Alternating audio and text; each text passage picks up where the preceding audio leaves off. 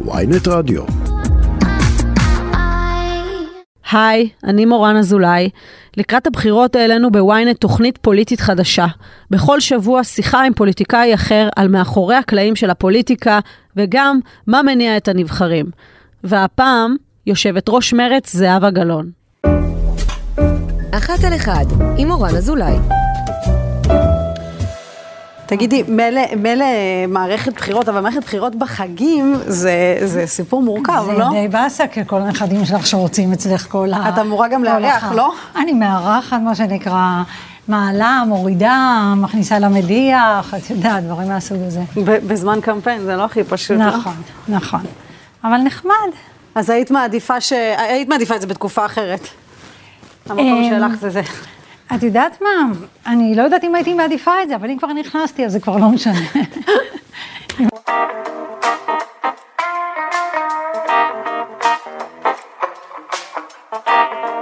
יושבת ראש אה, מרצ זהבה גלאון, שלום. שלום, מורן. א- איך את אה, בבחירות, אה, המסע ככה עמוק בפנים, או שאנחנו עוד לא בתותחים הכבדים? לא, אני עמוק בפנים, אני עובדת 24-7 פחות או יותר, ובמעט שעות שאני ישנה, אז אני גם מתעוררת וחושבת מה צריך לעשות, עמוק עמוק בפנים. עמוק ממש. בפנים.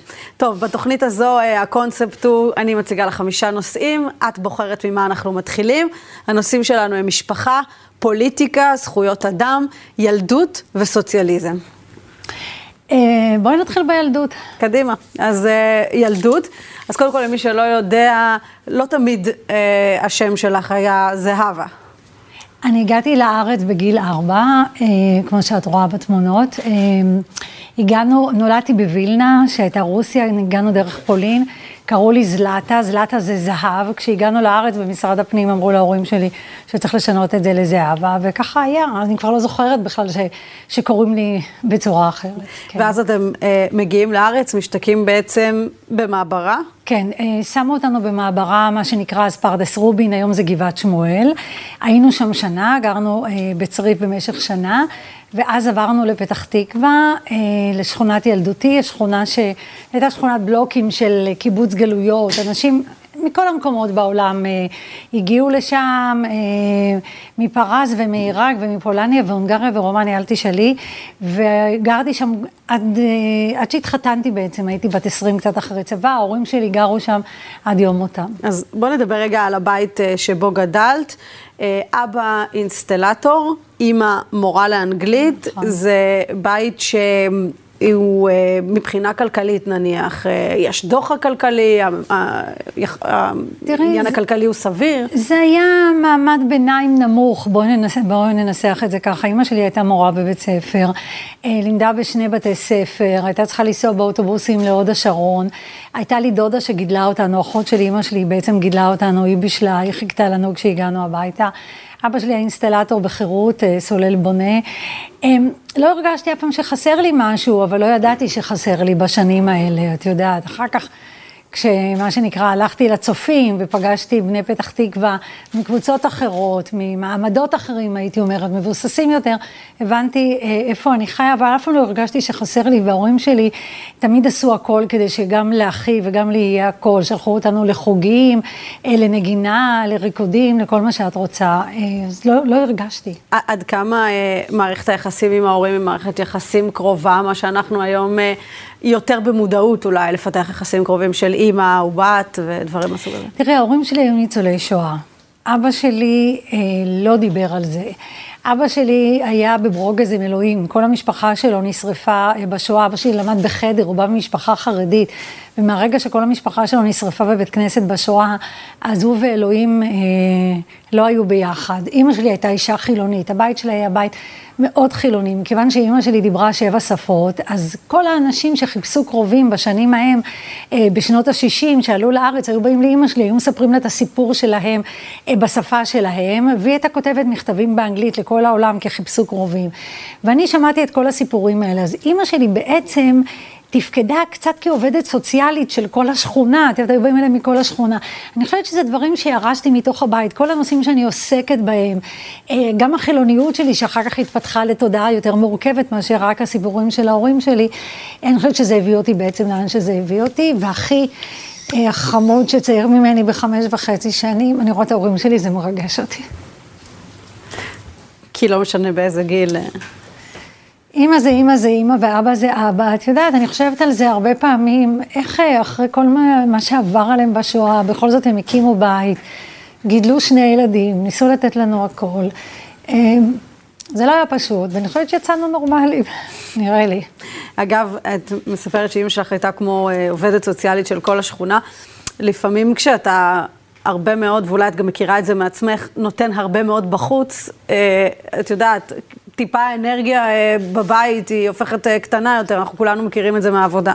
אני לא יודעת, אימא שלי אה, נורא השתדלה להיות, אה, לעשות עבורנו, ההורים שלי עשו עבורנו הכל. הם חסכו מעצמם, הם לא קנו לעצמם בגדים.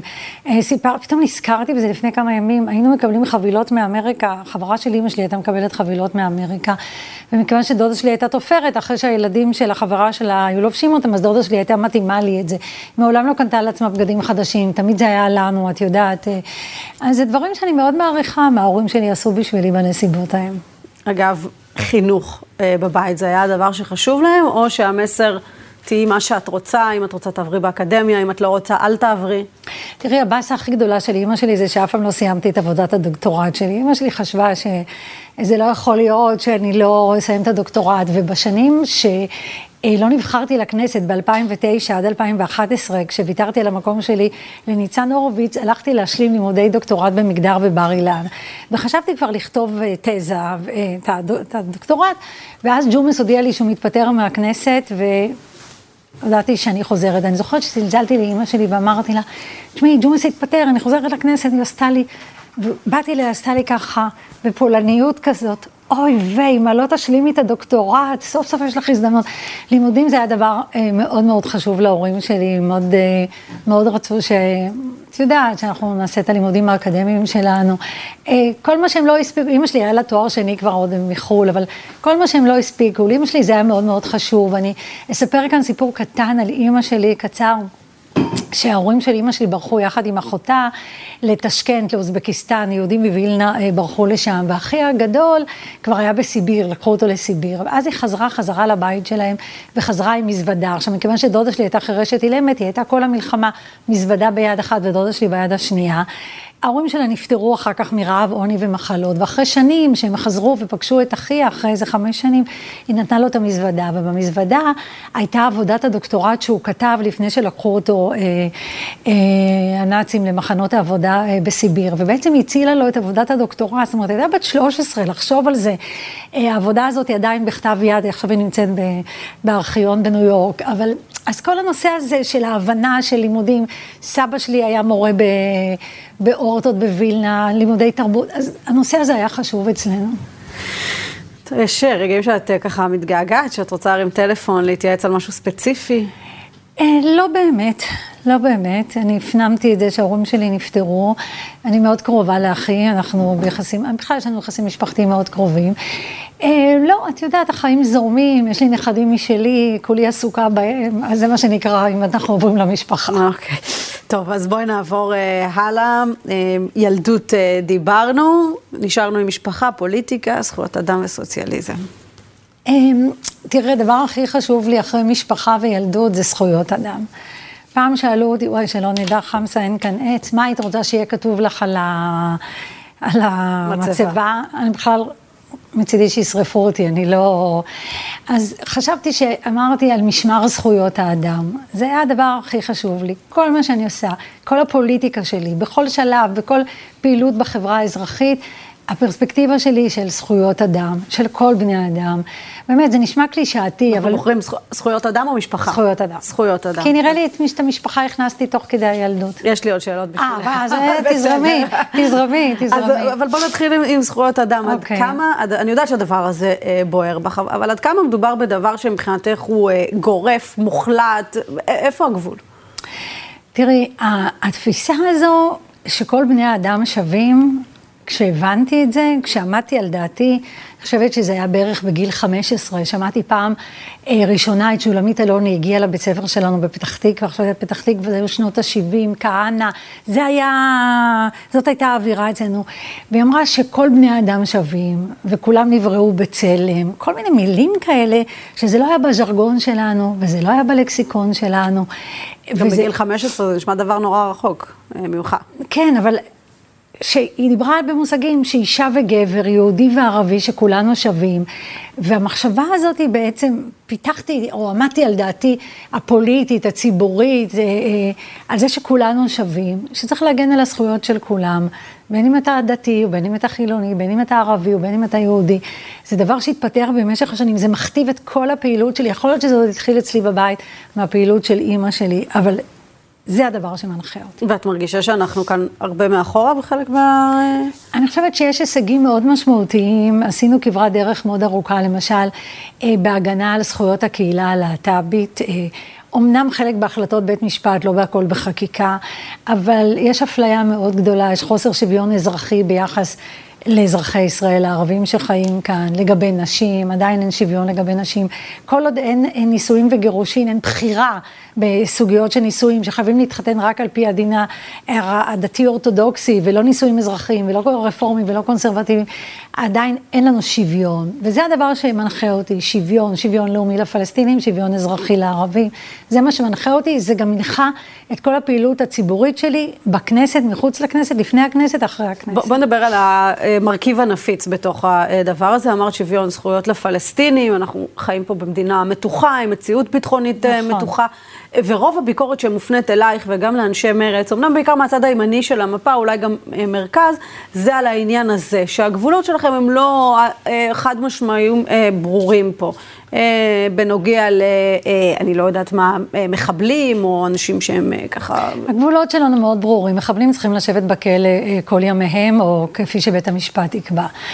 אני מאמינה שמדינת ישראל, כמו שכתבנו במצע שלנו כבר בשנת 92, היא מדינתו של העם היהודי וגם של כל אזרחיה, זאת אומרת, חוץ מהיהודים, וזה הזכות שלנו לממש את ההגדרה העצמית שלנו כאן, חיים כאן גם ערבים. ואני חושבת שלצד מדינת ישראל צריכה לקום מדינה פלסטינית, כדי שהפלסטינים יממשו שם את הזכות שלהם להגדרה עצמית. הם יחיו במדינה שלהם, אנחנו לא צריכים לשלוט עליהם. אנחנו 55 שנה שולטים על מיליוני בני אדם. אנחנו מנפקים להם אישורי מעבר ואישורי סחר ואישורי תנועה. כמה שנים, וזה גובה מחיר דמים, ושני הצדדים משלמים את מחיר הדמים הכבד הזה. אז כמובן שהפלסטינים הם תחת כיבוש ותחת השלטון הישראלי, אבל אנחנו פה בחברה הישראלית משלמים מחיר דמים כואב, קשה מנשוא. והדבר הזה צריך להיגמר, הדבר הזה צריך להיפתר, והפתרון הוא פתרון מדיני בסופו של דבר, לא בכוח הזרוע וכוח צבאי. אבל זה דבר שהוא, אה, את יודעת, נדמה שהולך ומתרחק. אני לא, לא חושבת, מורן, תראי, אני שמעתי את ראש הממשלה לפיד אה, לפני כמה שבועות באו"ם. בנאום, אמנם הוא היה נאום חזון יותר, שהוא אמר... נאום בחירות גם צריך להגיד. אני לא יודעת. את יודעת מה, אני לא יודעת. מאמינה לו? כן, האמת שכן. הוא אמר, השלום זה לא פשרה, עדיין פתרון שתי המדינות אפשרי. האם זה הולך להיות קל, ומחר חדי קרן יתרוצצו באחו, ויהיה פה סבבה? התשובה היא לא. אבל אם אפשר עדיין ללכת למהלך של הידברות, של פתרון כזה או אחר, פתרון שתי מדינות, אני מדברת, בגבולות כאלה או אחרים מוסכמים, כי נוצרה מציאות בשטח שכבר היא בלתי הפיכה. כדי שאנחנו לא נשלוט על מיליוני בני אדם, כדי שאנחנו, אנחנו, מרץ, נשפיע על לפיד, להפוך את החזון הזה למציאות, כן, אני מאמינה בזה. חושבת שאתם יכולים להשפיע עליו בעניין הזה? אני חושבת שזה יהיה תלוי במידת הכוח אה, שנקבל אה, בבחירות האלה. אם מרצ תהיה גדולה ומשמעותית, שישה ושבעה מנדטים, וזה לא מופרך, ואנחנו נוכל להיות בממשלה הזו, מה ששקד ובנט היו בממשלה. אבל זה לא איזה רפורמה קטנה שיוצאת לדרך. פה מדובר באידיאולוגיה, שאו שאתה חלק ממנה, או שאתה לא חלק ממנה. אני חושבת שכן, אני חושבת שגם הגורמים, בואי נקרא להם היותר ימניים בממשלה, עם כל התפיסה שלהם, אה, בסוף יגיעו להבנה ככה, לא, ככה זה לא יכול להימשך. אז עכשיו מה עושים? אז יצטרכו להגיע לפשרות, יצטרכו להגיע לתוכניות מוסכמות של ישראל, יהיו גבולות ברורים ולגיטימציה בינלאומית. זה לא תהליך של מהיום למחר, זה לא אינסטנט פודינג, פעם היו מערבבים והיה נהיה פודינג, זה לא עובד ככה. אבל כשאת יושבת עם לפיד בחדרים סגורים, את מתרשמת שהוא שם, שהוא מתקרב לשם באיזשהו אופן? האמת שכן. שמעתי אותו גם באו"ם, זה שזה, שזה חידוש שלו. מבחינתך? אה, כן, אני חייבת להודות שבעיניי זה שינוי מרענן אפילו. אני חושבת שבכלל לפיד עשה שורה של אה, שינויים אה, מאוד חשובים, לפחות בהתנהלות. תראי, אני יכולה להזכיר לך שהיו שנים, מי כמוך יודעת, היית שם בכנסת, שמתחתי ביקורת חריפה על לפיד בכל מיני התבטאויות שלו על ארגונים שאני תמכתי בהם, כמו בצלם, שוברים שתיקה ואחרים. ואני חושבת שבשנים האחרונות הוא גילה אחריות גדולה, גם בזה שהוא ויתר לגנץ בזמנו על הבכורה, ובכלל בשורה של מערכים, וגם האמירות האלה. אני חושבת שפעם אמר אריק שרון, מה שרואים מכאן לא רואים משם. אני חושבת שהפוזיציה של להיות ראש ממשלה, ולשמוע את מנהיגי העולם, ולראות תמונה כוללת, ולדאוג לאינטרסים הביטחוניים של ישראל, והאינטרסים האסטרטגיים של ישראל, אני חושבת שהובילו אותו להגיד את הדברים האלה. אפרופו אה, אינטרסים אה, אסטרטגיים, אולי, כן או לא, יש לך גם ביקורת אה, כלפיו בסיוע שהוא לא מעניק. לאוקראינה, זה דבר שהוא מאכזב אותך, זה דבר שהוא... תראה, אני חושבת שלפיד אמר אמירה חשובה בכך שהוא תקף את הרוסים וגינה את הרוסים והביע אמפתיה לאוקראינים. אני חושבת שאי אפשר להתאפק, להסתפק באמפתיה ובמשלוח כמה קסדות, את יודעת. אני חושבת שישראל צריכה לספק הגנה, הגנה לעורף, הגנה ביטחונית לאוקראינים. את יודעת, תמיד אומרים, יש לנו אינטרסים בסוריה, נכון. מול פוטין בסוריה. אני חושבת שאנחנו מספיק חזקים כדי לייצר את האיזון הזה. אנחנו לא יכולים לדבר על אינטרסים, גם לעולם ששתק, כשאנחנו נרדפנו במלחמת העולם השנייה, היו אינטרסים ואנחנו לא עושים להם הנחות. אם אנחנו רוצים להיות חלק מהעולם המערבי, ואנחנו רוצים להיות מדינה מתוקנת, אנחנו לא יכולים לעצום עין לא, לנוכח הזוועות שקורות שם. הוא שולח טילים על קייב ועל שאר הערים, ומה אנחנו מסתפקים בגינויים? אני לא חושבת שאפשר להסתפק בגינויים. אוקיי, okay, טוב, בואו נראה את הקוביות uh, הלאה. נשארנו עם uh, משפחה, אז תחזרי פוליטיקה, למשפחה, יאללה, אוהבת את המשפחה, קדימה. Uh, טוב, דיברנו על המשפחה uh, שלך, ועכשיו בואי נדבר קצת על המשפחה uh, שיצרת. יש משפחות שנורא נורא מתרחקות מפוליטיקה, רק לא זה. ואצלך איכשהו הם, כולם חיים את זה. ראיתי לא פעם את פסח בהפגנות. ברור. נדב, אה, למי שלא יודע, הבן שלך הוא אה, ככה, גם אה, כל מיני דברים בוערים בו, והוא יוצא החוצה ועושה את מה שהוא מאמין, גם כיועץ אסטרטגי ובכלל. תראה, אנחנו משפחה מאוד פוליטית, הילדים שלי נולדו לתוך מציאות פוליטית. אני גם לא מאמינה שהייתי יכולה לעשות את מה שעשיתי כל השנים האלה, לולא הגיבוי והתמיכה של פסח והילדים שלי. הילדים שלי הדביקו מעטפות ובולים והכניסו דואר כשהם היו בני חמש ושש, את יודעת, מאז הם מעורבים.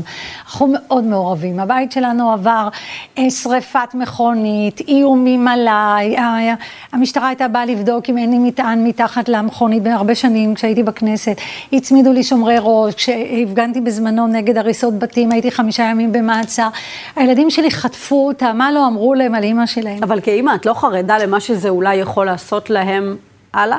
כילדים קטנים שסופגים את הדברים קודם כל, קודם כל כן, אני חייבת להגיד לך שהרבה שנים חייתי אה, עם איסורי מצפון, עם דואליות כזאת, וואו, את יודעת, אני פה נואמת אה, או נוסעת או מפגינה, והילדים שלי חוטפים אותה, אבל בסופו של דבר, מהיום אני מסתכלת בפרספקטיבה לאחור, זה גיבש אותנו, זה יצר אותנו משפחה מאוד מלוכדת, מאוד מעורבת. אה, איך אני אגיד לך, הנכדים שלי כבר בתוך זה. אבל יש רגעי משבר שאת זוכרת אה, לאורך השנים של... את יודעת, אחד מהבנים שלך שמגיע ואומר לך, אמא, אני עם זה לא יודע איך להתמודד, או את יודעת, סיטואציות שזה מוריד את הביטחון, או, או גורם להם... אני חייבת להגיד לזכותם של הילדים שלי, שהם מאוד פייטרים, והם התמודדו. אני חושבת שדווקא הדבר הזה שתקפו אותם, העמיד אותם אה, ככה מאוד חזקים, וגם הם קיבלו גיבוי מאיתנו. להגיד לך שלא היו לי ייסורי מצפון, אה, זה לא יהיה נכון. שנים סחבתי ייסורי מצפון, אבל עברתי את זה, תמיד היה נראה לי שהם... כשאני מסתכלת עכשיו על הילדים שלי, אני אומרת, הצליח לי. מה אני אגיד לך, מורן? איזה אימא, את מעורבת אה, בחיים של הילדים? כן, מאוד. אין יום שאני לא מדברת עם הילדים שלי. כל יום. כאשר את, הם? גם, אה, אה, לא, זה לא פעם ביום, אנחנו מדברים כל הזמן. הבן הגדול שלי יפתח חי בארצות הברית שבע שנים, עכשיו הם חזרו לפני שנה לארץ. כל הזמן דיבר, אנחנו משפחה שמאוד מדברת, מאוד מעורבת בחיים. אני אוהבת את זה. זאת אומרת, אם צריך עצה, הם מתקשרים לאמא, לא אומרים, את יודעת, יש, יש, יש קונספט של אל תתערבי, מה זה בסדר? אני לא כל כך יודעת בענייני עצות, אנחנו מעורבים, אנחנו יודעים, בעיקר צריך בייביסיטר, את יודעת, אז בארבע וחצי שנים האחרונות הייתי בייביסיטר מושלמת, יחד עם פסח. יש הבדל... בין, בין האימא שהיית לסבתא שאת? אני חושבת ש... אה, את יודעת, לא הבנתי את זה פעם, אבל אני חושבת שסבתא זה קצת פיצוי על האימא ש... שלא יכולתי להיות מספיק, בואי ננסח את זה ככה. ואז אני ופסח מאוד אה, תפקדנו כסבא וסבתא, ועכשיו אה, רוב הזמן זה פסח מאז שחזרתי חזרה. מטפל בנכדים. נוסע, מביא אותם, לקח אותם לחוגים, מחזיר אותם, וואו, וואו, זה עבודה פול טיים ג'וב. למי שיש ילדים קטנים יודע את זה. ברור. את מחתלת, מאכילה, או שזה לא התחום שלך? אה, מחתלת כן, מאכילה לא כל כך, פחות אני במאכילה. טוב, אז בואי נדבר רגע אה, ככה גם עלייך אה, בתוך המשפחה, עם איזשהו מבט אה, לפוליטיקה. אה, לא פעם סרטונים שלך קופצת, רוקדת, אה, דברים שעושים ככה סערות ברשת מתפרסמים. זה בן אדם שאת גם בבית, או שזה טיפה מוקצן גם אה, לטובת הבחירות? בבית אני מאוד אה, משוחררת וחופשייה. קופצת? את עושה מוזיקה ורוקדת? אה, רוקדת בבית לא, הייתי רוצה לרקוד יותר. פסח לא בדיוק פרטנר לריקודים, אני נורא אוהבת לרקוד, אני אוהבת לשיר. כל הזמן יש אה, מוזיקה בבית. הסרטון הזה, למי שלא כן, אני חושבת שאין אדם אחד במדינה שלא ראה אותו. אני מתה עליו, זה סרטון בחירות, זה היה feel good, אווירה טובה. אני אוהבת לרקוד. אבל את מקבלת את התסריט שלו, ואומרים לך, את צריכה עכשיו לקפוץ ולרקוד בצורה משוחררת, זה בא לך קל? לדעתי הם אפילו לא ממש התכוונו שאנחנו נרקוד ככה, זרמנו איכשהו, את יודעת, משהו, משהו במוזיקה, משהו בקצב, חתונה. וזה אלכוהול אמיתי מה ששתית שם בצ'ייסר? לא, אני שותה דיאט ספרייט, אני לא ממש... אז היה דיאט ספרייט, הנה. חשפנו. חשפנו את הסקופ הזה. בדיוק. אבל אני אוהבת, אני, אני מאוד משוחררת בבית, אה, אני שומעת מוזיקה כל הזמן. אם אני בבית, אני שמה בדרך כלל ליאונרד כהן, או כל מיני שירים ישראלים, אני אוהבת שירים ישראלים מאוד, גלגלצ, או עכשיו ספוטיפיי כל היום. כן, אני אוהבת. טוב, אז זה בעניין המשפחה, בואו נעבור uh, הלאה, נשארו לנו עוד שני נושאים. יש לנו? נשארנו עם uh, פוליטיקה וסוציאליזם. טוב, בואי נלך על פוליטיקה, את יודעת, בכל זאת... Uh... בואי נלך על פוליטיקה. מה העניין עם איילת שקד? איילת שקד uh, צריכה ללכת הביתה, לדעתי, היא לא יכולה להיות יותר שרת הפנים. ואני אומרת את זה בצער, שהיא משתמשת במשרד הפנים כדי לקדם את המדיניות שלה, שבעיניי פוליטיקה של רוע. פוליטיקה שמתעמרת. בגלל זה את מתקוטטת איתה כל הזמן בטוויטר? מי שעוקב רואה שאתם ממש בחילופי אה, ככה... לא כל הזמן. מהלומות. לא כל הזמן ולא רוב הזמן, אלא אם כן נמצא את ציוצים שמקפיצים אותי. אבל למה דווקא היא? כי הציוצים שלה הם כאלה שמביאים לי את ה... את יודעת. את הצורך להגיב כנראה. אבל אני מגיבה גם על אחרים, אני מגיבה על ביבי, אה, אני לא חוסכת את שבט לשוני מביבי, וגם על אחרים. יצא ככה איכשהו. הבנתי. כמה אה, היחסים אה, עם הפוליטיקאים, שהם, את יודעת, אני, אני מניחה, אה, קשורים בכל מיני פערים אידיאולוגיים אה, עמוקים, גולשים גם החוצה. יש דברים כאלה? או שרוב הציבור לא יודע שהרבה מחברי הכנסת, למרות הפערים, הם חברים. אני דווקא שואלת על המצב ההפוך, שזה גולש. תראי, אני הייתי 16 שנים חברת כנסת, מורן, וב-16 שנים להיות חברת כנסת באופוזיציה, צריך לפתח יחסים מאוד טובים עם חברי כנסת, בעיקר כדי להשיג הישגים. והיו לי המון המון הישגים מהמקום שלי באופוזיציה, הישגים משמעותיים מאוד, גם בחקיקה וגם בסוגיות אחרות. אז יצרתי קשרים מאוד טובים, ואני מחוברת גם, גם עכשיו.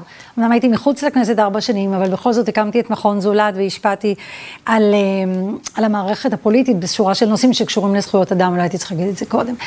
אז גם עכשיו כשאני רואה את המערכת הפוליטית, ואני חושבת על זה שאולי אנחנו, רואים אותי צועקת פה, זה כשאני מתעצבנת, וואו, עדיף לא להיות בסביבה מולי. אה, אבל אה, אני רואה עכשיו את המערכת הפוליטית, אנחנו רוצים להקים את גוש השינוי. מכיוון שאני ביחסים טובים, גם עם נציגי המפלגות הערביות, גם עם נציגי החרדים, גם עם נציגי הימין בממשלה, אני חושבת שאחרי הבחירות אנחנו יכולים לעשות מה שנקרא ועידת פתח תקווה ולהגיע להסכמות. אבל מי לא עובר אותך בעניין הזה? יש חבר כנסת שכשאת אה, רואה אותו במסדרון, לא בא לך להגיד לו שלום, כי את חושבת שזה קצת כן. מעבר, או לא לשבת איתו לקפה? כן, כן, חד משמעית. אה, ראיתי בחדר האיפור לפני כמה זמן את בן גביר, מבחינתי הוא אוויר, עברתי הלאה. זאת אומרת, בן גביר... לא מצליחה לראות את הבן אדם שהוא מעבר לדעות הפוליטיות. אני לא יכולה לזהות שיש בן אדם מעבר לדעות הפוליטיות. פוליטיות, מי שמציג השקפת עולם כזו שמדברת על זה שהוא יקים משרד לעידוד הגירה, לעידוד הגירה, והוא יגרש מכאן את הערבים ואת השמאלנים, באוטובוסים, ברכבות, במה שלא יהיה, איך הוא אמר את זה. אמ, אני בכלל לא אוהבת את כל הסגנון החדש שלו, שהוא מנסה למכור את עצמו כאיזה דובי נחמד. לא תשבי איתו לקפה. נראה לך. עם סמוטריץ' את יכולה לשבת לקפה? אה, אני לא חושבת, למרות שאני מכירה אותו מהכנסת, אני פוגשת אותו, אני מדברת, אני אומרת שלום. אה, לא, הם לא חברים שלי. מי שלא מוכן שאשתו תשכב ליד יולדת ערבייה, מה לי ולא. בואי נפיל רגע את הצופים מהרגליים. תני לי אה, דמות אחת אה, שהיא שונה ממך בתכלית, בדעות הפוליטיות, אבל כן היית שמחה לשבת איתה לכוס קפה, ואולי אפילו להתווכח ויכוח אה, ככה. תראה, הייתי שמחה לשבת עם אה, גפני. תהום פעורה בינינו בנושאים האזרחיים, נקרא לזה בנושא דת ומדינה. יש לנו דיבור בסוגיות חברתיות כלכליות. הייתי יכולה לשבת עם אלקין או עם גדעון סער, אנשים חכמים מאוד, שאני לא מסכימה עם העמדות המדיניות שלהם לחלוטין, אבל בנושאים אחרים, אה, מה שקשור לשלטון החוק, אנחנו יכולים למצוא שפה משותפת. אה, שולי מועלם, את יודעת? אז יש כאלה. כן, חד משמעית. טוב, אני רוצה לדבר איתך אה, פוליטיקה גם קצת אה, בהקשר האישי, כי את עברת כל מיני טלטלות, גם אה, אישיות, ב-2018 לדעתי אחד מהשיאים, את פורשת מהנהגת מרץ, פורשת מהחיים הפוליטיים, זה דבר שברמה האישית הוא ככה קשה לך, את אומרת, או שאת אומרת, זה פוליטיקה, זה לא שורט אותי, זה לא, אני משחקת את המשחק. לא, בטח שזה שורט אותי, אני צובטים אותי, כואב לי, מורן. תראי, שני דברים לא נוגעים בי. כשהימין מקלל אותי, או שכותבים נגדי פוסטים או תגובות, זה מתגלה אצלי מהגר. זה לא מעניין את הסבתא שלי, סליחה, הסבתא שלי, עליה שלום שלא הכרתי. זה לא מעניין אותי, זה לא נוגע בי, אבל זה נוגע בי כשזה קשור לחברים שלי. כשאני לא מצליחה בתוך המפלגה שלי, או כשאני ניסיתי לקדם את הפריימריז הפתוחים והבנתי שאני לא, או כשהפעילו נגדי, בואי נגיד אמירות גילניות. להגיד לך שזה לא נוגע בי, זה מאוד נוגע בי. נעלבת? אני חושבת שכן. מה, שרמזו שאולי זה הזמן לפנות מקום לצעירים? כן, אבל אני אגיד לך, אה, קודם כל כן. אבל בסוף, את יודעת, את מתעשתת, זה כואב יום-יומיים, ובסוף התייצבתי לצידה של מרץ, למרות שפרשתי ולמרות שכאב לי. אה, בכל מערכת בחירות, בחמש המערכות הבחירות, בארבע מערכות הבחירות האחרונות, התייצבתי לצידה של מרץ, קראתי להצביע, מה זה, עבדתי בשבילם בטירוף. אז המחויבות שלי יותר גדולה, להגיד לך שאין לי רגשות ואין לי כאבים, אני לא מתיימרת, אני יודעת שיש תמיד כאלה. לא, מה פתאום, לא, אני, צובטים אותי, כואב לי. תגידי, יכול להיות שזה קשור גם אה, אולי טיפה לעניין מגדרי? כי אני מסתכלת על נתניהו בצד השני, הוא מבוגר. גם, אגב, בהרבה מפלגות אחרות אה, יש יו"ר מבוגר, אני לא זוכרת שמישהו דיבר על זה. אני חושבת שזה מאוד עניין מגדרי, וזה עניין מיזוגני, ולא היה מעיזים לדבר ככה לגבר אה, שחוזר, או גבר שחזר, או גבר שנמצא. אני חושבת שזה מאוד עניין מגדרי, ועדיין יש איזו תפיסה שאישה יש לה כאילו איזה פג תוקף בשלב מסוים. תאמיני לי, אני מלאת אנרגיות מורן, ואני עובדת באנרגיות ואני חיונית אה, הרבה, הרבה יותר מהרבה גברים שאני מכירה, שלא היו מעיזים להגיד את זה עליהם. את יושבת בחוץ, את רואה את הטלטלות הפוליטיות, את רואה גם אה, מה אה, עשוי לקרות למרץ. תשמעי, אנחנו בסוף בני אדם, אין איזה רגש קטן של נקמה שאומר, עכשיו שיסתדרו. שילמדו אולי את הלקח. האמת שלא. האמת שלא. מה, זה לא חולף? אפילו לא לשבריר שנייה?